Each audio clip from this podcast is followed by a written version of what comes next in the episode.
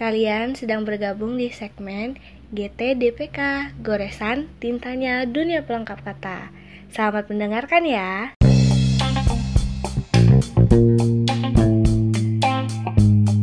Begitu gue menginjakan kaki di vehicle Hyper Hyper Pro gue, rasanya gue ingin teriak kencang dan mengatakan Welcome to Praha Sembari sujud dan mencium lantai seperti para pemuka agama buat ngucapin rasa syukur tapi sayang itu nggak mungkin gue lakukan. Karena gue nggak mau kalau dianggap gila.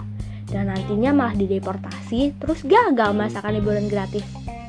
Senyum lebar tercetak jelas di bibir gue. Ah rasanya dunia begitu baik pada gue. Karena dari sekian banyak manusia di muka bumi Indonesia, gue lah satu-satunya yang terpilih memenangkan voucher liburan. Semua berkat lover tangga. Gue jadi bisa mewujudkan salah satu mimpi gue ya, meskipun sebenarnya kepergian gue dilarang keras oleh bunda.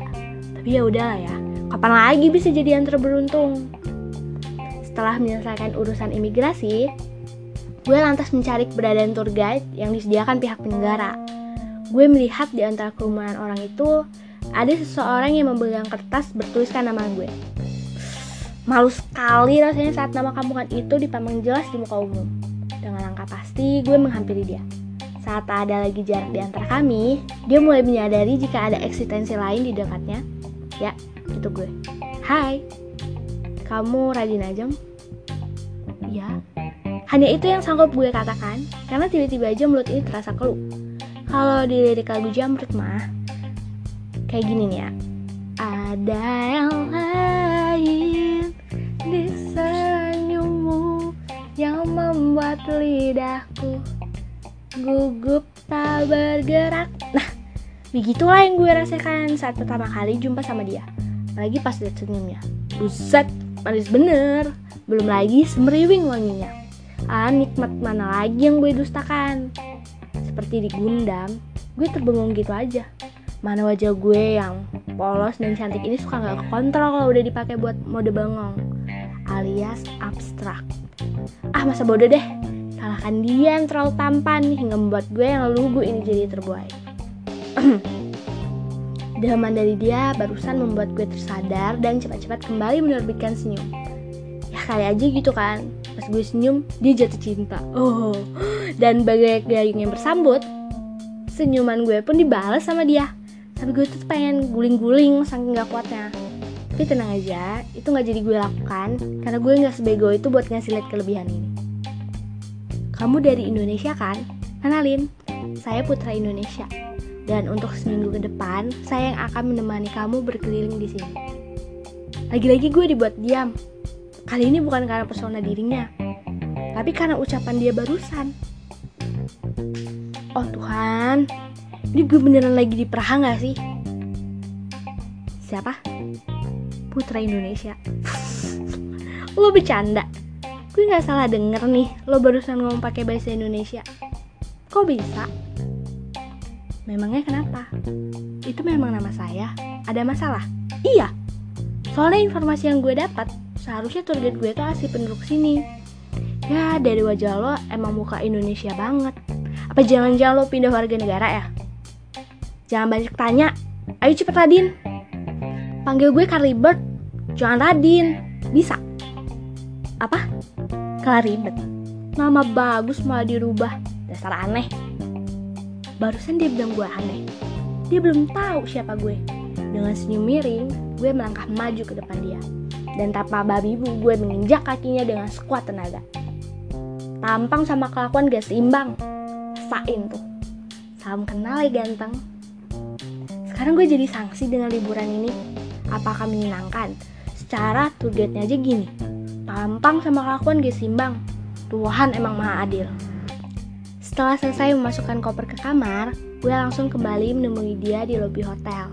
Karena sesuai kesepakatan tadi, dia bakal ngajak gue ke Kastil Praha atau Prague Castle, tempat di mana gue dapat melihat keindahan kota Praha dengan atap-atap bangunan berwarna merah yang menjadi ciri khas kota Praha. Let's go! Gue pengen banget ke sana. Ntar kita foto-foto yang banyak ya. Gue menarik lengannya biar cepet sampai ke parkiran. Biarin aja kalau terkesan agresif. Lagian, kapan lagi gue bisa gandeng cogan? Di Praha lagi. kita sudah menyusuri jalan cukup lama. Rasanya begitu melelahkan, soalnya dari tadi kita cuma diem-dieman. Sekali yang ngomong, si Indonesia cuma bahas nama gedung atau jalan yang kita lewatin. Udah, gitu aja. Bosenin banget kan? Tapi untungnya gue dapet ide buat mulai obrolan.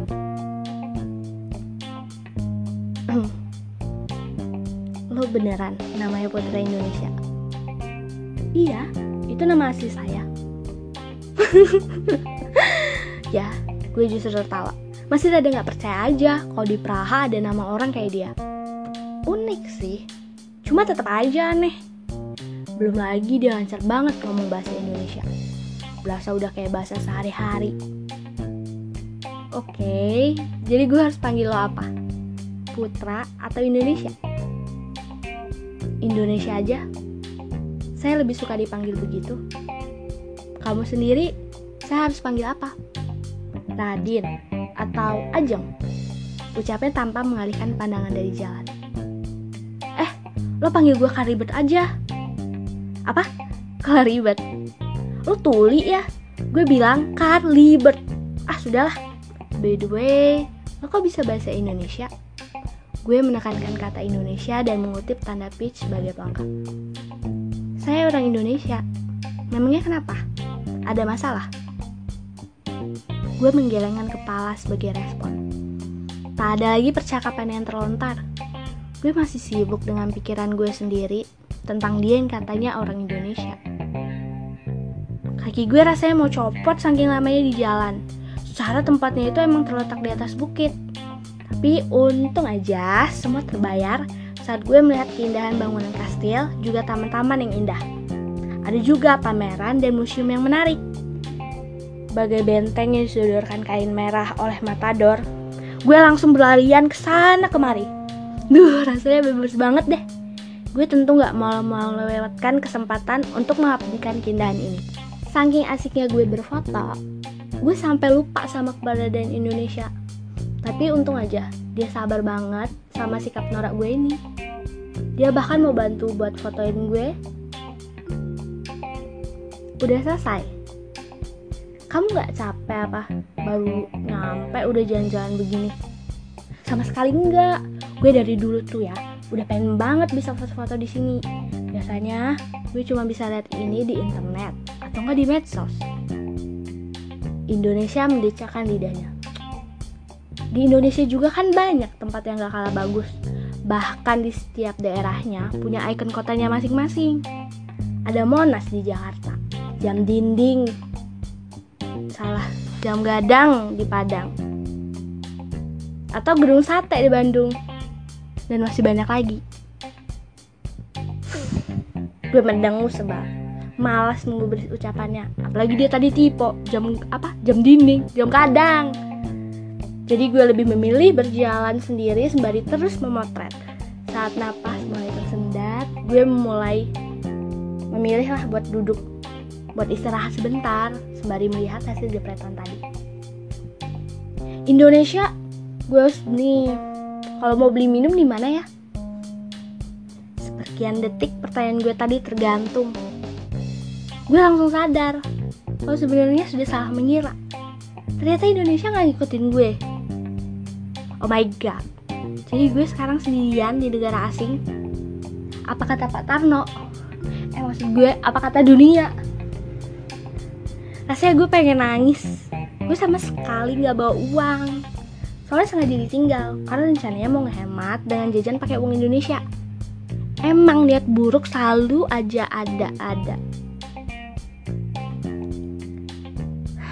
Gue rasanya kalau kayak gini udah deh Melawung aja sambil nges-nges tanah. Biarin dianggap gila, yang penting gue selamat. Tapi tiba-tiba aja, pipi gue berasa dingin. Pas noleh, eh ada Indonesia di samping gue. Mana pakai nyodorin botol minuman lagi.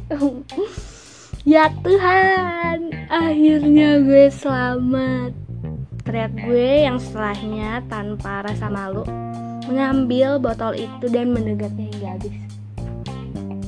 Dari bulu dari balik bulu mata, gue lihat Indonesia cuman diem aja ngeliat gue yang absurd ini.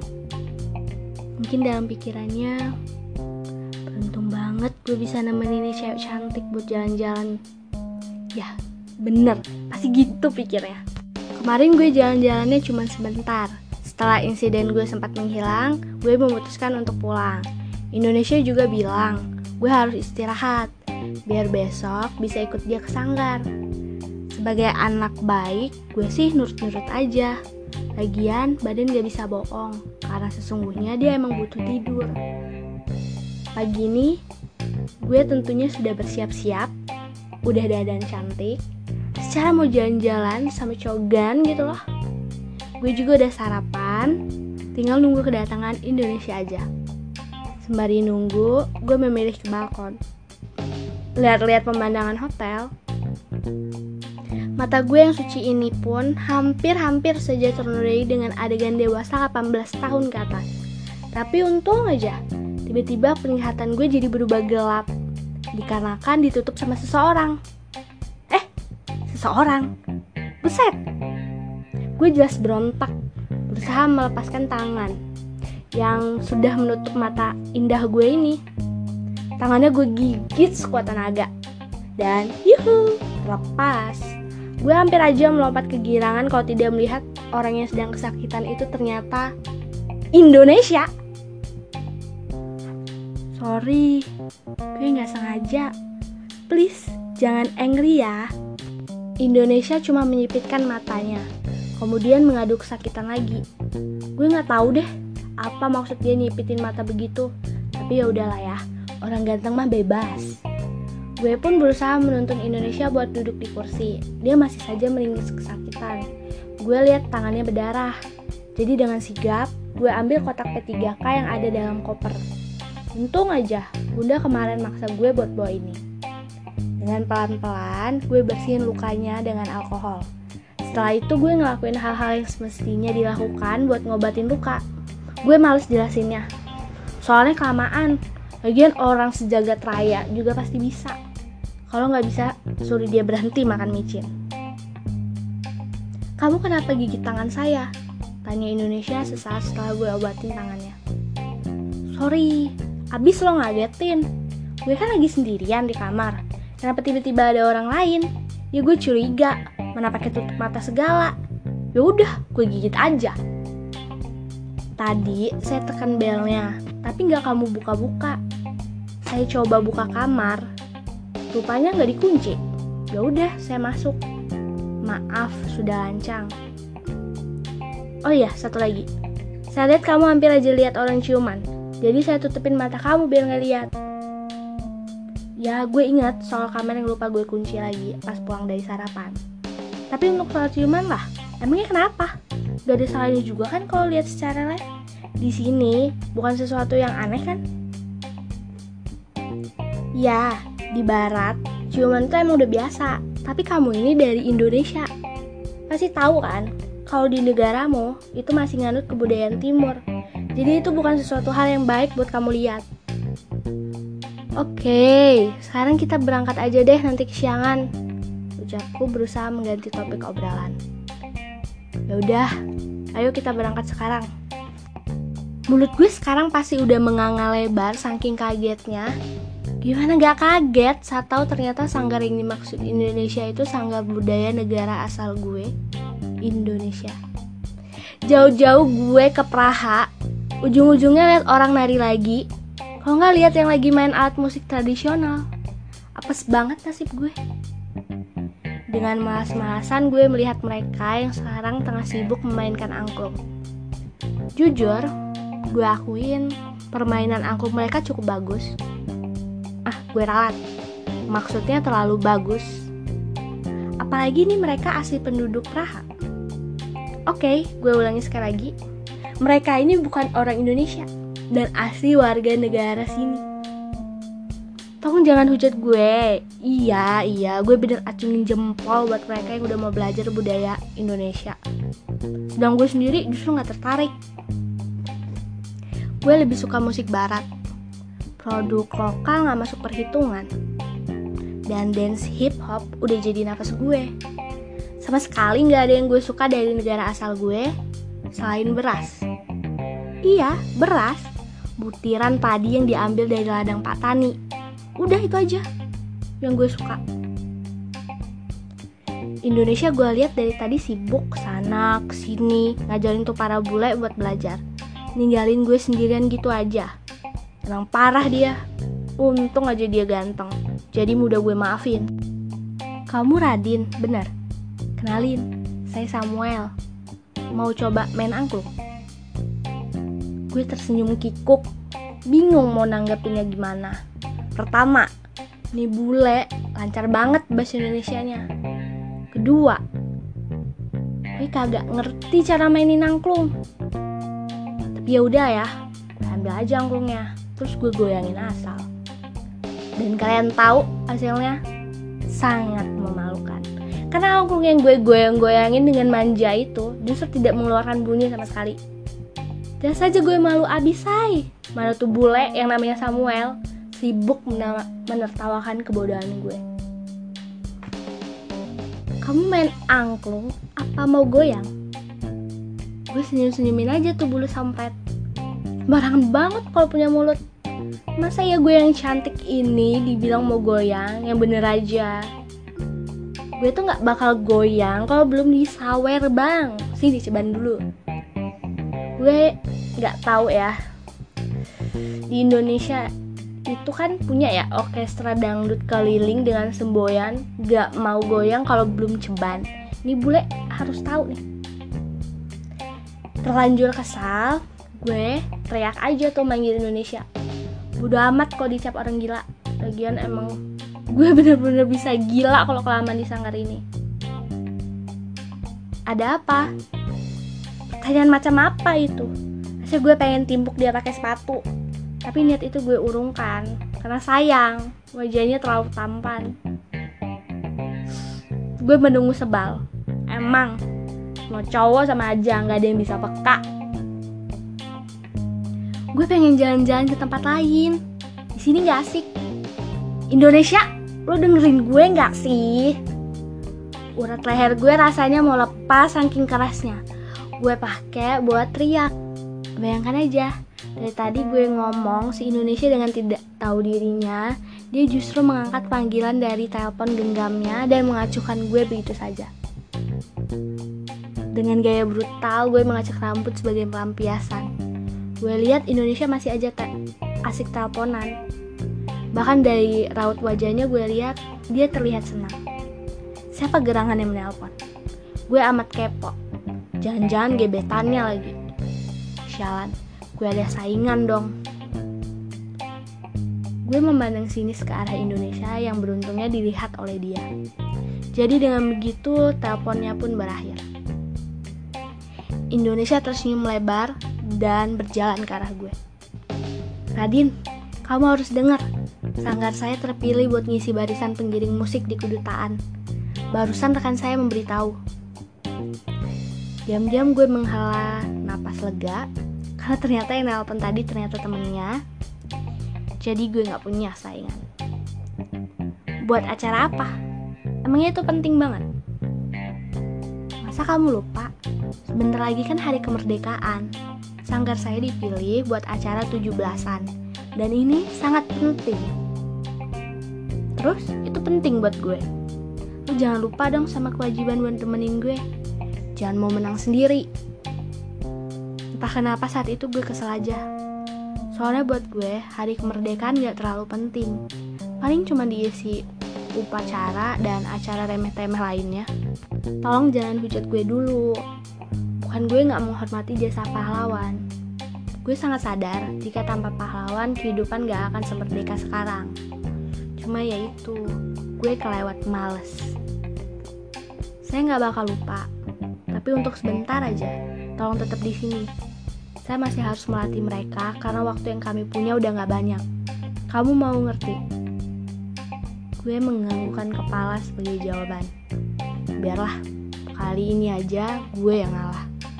Ini sudah hari kelima gue di Praha. Indonesia menepati janjinya buat gak lupa sama kewajibannya. Dia membawa gue berkeliling dari tempat ke tempat, terkecuali untuk hari ini, Indonesia sangat memohon supaya gue bersedia menemaninya ke sanggar. Ya karena gue lagi baik, gue sih mengiyakan aja. Lagi-lagi gue harus menetapkan hati agar bersabar, tak kalah para bule menghujat gue dengan tatapan tidak percaya mereka, hanya karena gue nggak bisa menari syangget. Gue ulangi, karena gue bodoh dalam hal budaya sendiri. Cukup Radin. Lo emang cewek terpintar yang ada di sejagat raya Indonesia. Kalau aja di Praha ada tempat buat beli wajah baru, mungkin gue udah datang sana dan mengganti wajah lama gue sekarang. Gak ada lagi kata selain malu untuk mendeskripsikan perasaan gue sekarang. Gue nyesel karena terlalu mengikuti gengsi. Seharusnya gue emang mau lebih belajar tentang budaya sendiri, bukan justru sibuk mengurusi hal-hal kebaratan lainnya. Padahal di Indonesia, Bunda punya sanggar budaya kayak milik Indonesia. Cuma itu, gue terlalu malas buat belajar dan tidak pernah ingin tahu. Sudah, jangan sedih. Saya dan teman-teman yang lain akan bantu kamu buat belajar. Seriusan, ini gue lagi gak dikerjain kan? Saya serius, asalkan kamu juga serius. Pelajaran pertama menari pun dimulai. Pertama-tama gue diajarkan buat melatih kelentikan jari tangan gue. Di situ gue belajar berulang-ulang buat melentikan tangan dengan melakukan gerakan buka tutup jari. Jepit jari tunjuk dengan jempol dan diayunkan masuk lalu keluar. Kemudian gue juga diajarkan buat cara mendak bahu. Ampun, susah banget buat menjajarkan kedua bahu ini. Rasanya badan gue udah mau remuk. Belum lagi gue harus nyoba pakai mahkota kepala yang disebut siger dalam adat Lampung. Itu mahkota beratnya minta ampun sampai kepala gue berdenyut dibuatnya sekarang gue jadi sadar kalau sama ini gue terlalu menganggap remeh soal tarian tradisional. Gue terlalu mengeluh-elukan dance kebaratan padahal menari tradisional lebih sulit dari gerakan maupun pakaiannya. Gimana? Hari ini capek banget. Gue menganggukkan kepala. Membuat Indonesia mengusap kepala gue gitu aja tanpa gue tahu apa maksudnya. Nona Claribet udah berusaha saya jadi ikutan senang. Astaga, tolong bangunkan gue saudara-saudara. Perkataannya barusan emang terdengar sederhana, tapi entah kenapa menimbulkan rasa menggelitik di perut yang membuat gue gak bisa menyembunyikan senyum. Cuma bisa gak panggil gue dengan benar? Carly Bird. Ucap gue mengeja nama dengan penuh penekanan. Bukannya meralat, dia justru tertawa yang membuat gue tanpa sadar ikut-ikutan ketawa gak jelas. Kamu tahu, saya senang bisa kenal kamu. Saya senang kamu mau be mau belajar budaya sendiri. Orang tua saya mendirikan sanggar ini karena rasa rindunya pada tanah air. Sekaligus buat ngenalin kebudayaan Indonesia. Gue menyela ucapannya. Jadi lo dan ortu asli WNI terus kalau rindu kenapa nggak balik aja? Indonesia tersenyum tipis. Gue lihat ada guratan sedih di wajahnya. Pengennya begitu cuma sayang. Saya sama orang tua saya sudah bukan bagian dari Indonesia. Lo kok bisa? Gue nggak ngerti deh tadi lo bilang kalau lo dan ortu lo itu rindu tanah air terus sekarang lo bilang kalau kalian bukan bagian dari Indonesia lagi. Maksudnya itu gimana? Indonesia mulai menceritakan kisah lamanya. Dia bercerita kalau para pelajar Indonesia di Praha ada yang tidak bisa kembali akibat perubahan situasi politik dalam negeri di tahun 1965 sampai 1966 membuat para WNI tidak mau lagi pulang akibat pergantian rezim itu. Tidak semuanya karena berpegang pada ideologi tertentu, katakanlah komunis. Tapi karena idealisme termasuk kedua orang tuanya Indonesia, mereka memilih untuk menetap dan akhirnya menikah. Penjelasan itu membuat gue jadi berpikir sampai pulang dan berakhir tetap terjaga meski hari sudah larut malam. Gue akhirnya memutuskan untuk menjelajahi internet, mencari tahu lagi mengenai keberadaan tentang hal yang disampaikan Indonesia. dari informasi yang gue lihat di beberapa blog, ternyata apa yang dibilang Indonesia itu bener adanya. Gue jadi merasa kasihan padanya, sekaligus juga merasa malu karena sebagai warga negara Indonesia, gue justru nggak pernah sekalipun ikut berkontribusi buat negara. Bahkan gue selalu mengomentari setiap kebijakan pemerintah tanpa pernah tahu duduk permasalahannya.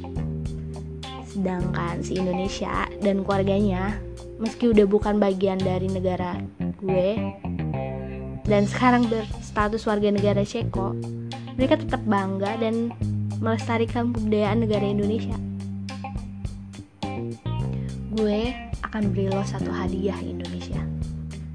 Gue bener-bener sibuk buat ikut latihan musik bareng teman-teman di sanggar. Meski permainan gue sangat jauh dari kata sempurna, beruntungnya mereka mau menampung gue buat ikut serta dalam kegiatan mereka, termasuk soal menggiring upacara bendera di kedutaan nanti. Sanggar milik Indonesia terpilih sebagai penggiring musik untuk upacara bendera 17 Agustus. Kesempatan berharga yang tidak akan gue sia-siakan. Kalau ribet, ayo semangat! Teriak Indonesia yang gue balas dengan acungan jempol. Panggilan dari dia yang awalnya gak gue suka, makin lama justru makin terdengar sangat spesial. Setiap mendengar dia menyebut gue dengan panggilan aneh itu, gue justru bersemangat dan terkadang bahkan gue tersipu kebiasaan gue buat minta diajak keliling Praha sekarang udah gak ada lagi. Gue sudah lebih fokus dengan kegiatan di sanggar. Entah kenapa keinginan buat di sana jauh lebih besar daripada untuk jalan-jalan dan mungkin karena itu juga tadi Indonesia bertanya soal itu dia bahkan mengajak gue buat ke jembatan Charles katanya kalau ke Praha nggak lengkap kalau belum berkunjung ke sana Gue mengiyakan aja ajakannya dan sekarang di malam hari ini kita berada di jembatan. Tempatnya sangat indah, ditambah dengan lampu-lampu yang ada di sepanjang jalan membuat jembatan ini tambah sempurna. Bagus banget ya. Kalau di Indonesia, jembatan kayak gini juga ada deh. Namanya Jembatan Ampera di Palembang. Kapan-kapan lo harus ke sana. Ya, meski nggak seluas tempat ini tapi dijamin gak kalah bagus kok gue menutup mulut setelah mengucapkan itu gue baru sadar dan gue pun menutupi kebodohan gue yang udah menyinggung Indonesia di hadapannya kapan-kapan mungkin saya akan ke sana Indonesia tersenyum lebar membuat gue jadi makin gak enak hati kamu udah mulai berubah. Sekarang jadi lebih bangga sama negara sendiri. Gue menggaruk tengkuk, merasa canggung dengan pujiannya. Seakan menangkap kecanggungan itu, Indonesia menepuk-nepuk pundak gue. Dia semakin mendekatkan dirinya hingga tak ada jarak di antara kami. Hanya sebatas itu aja, tak lebih. Yang anehnya tetap menimbulkan efek berdebar di dada. Hari ini gue sangat bangga untuk pertama kalinya, gue mengikuti upacara bendera dengan begitu hikmatnya. Acara di kedutaan berjalan lancar. Gue dan teman-teman yang lain berhasil menggiring musik sampai dengan selesai.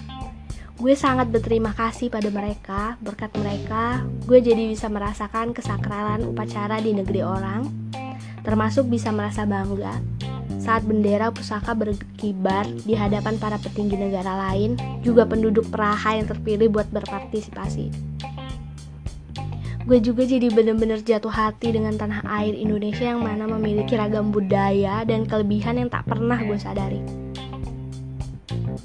Keberangkatan pesawat buat kepulangan gue tinggal beberapa jam lagi. Mau gak mau gue harus bergegas ke Mendara supaya gak ketinggalan pesawat gue udah berpamitan sama teman-teman sanggar. Sebenarnya gue juga mau pamit sama Indonesia. Tapi gue lihat dia lagi sibuk berbincang dengan para tamu dan beberapa panitia yang ada. Akhirnya, gue hanya bisa melihat dia dari kejauhan dan menitipkan kotak coklat berisi peta Indonesia yang udah gue minta di kantor kedutaan tadi yang mana sudah gue beri tanda juga di bagian pulau Sumateranya supaya Indonesia tahu di mana gue tinggal pada yang gue titipkan pada Samuel. Rasanya berat banget buat ninggalin negara ini. Bukan karena gue belum puas, tapi karena susah aja ninggalin Indonesia dan semua kenangan di sini.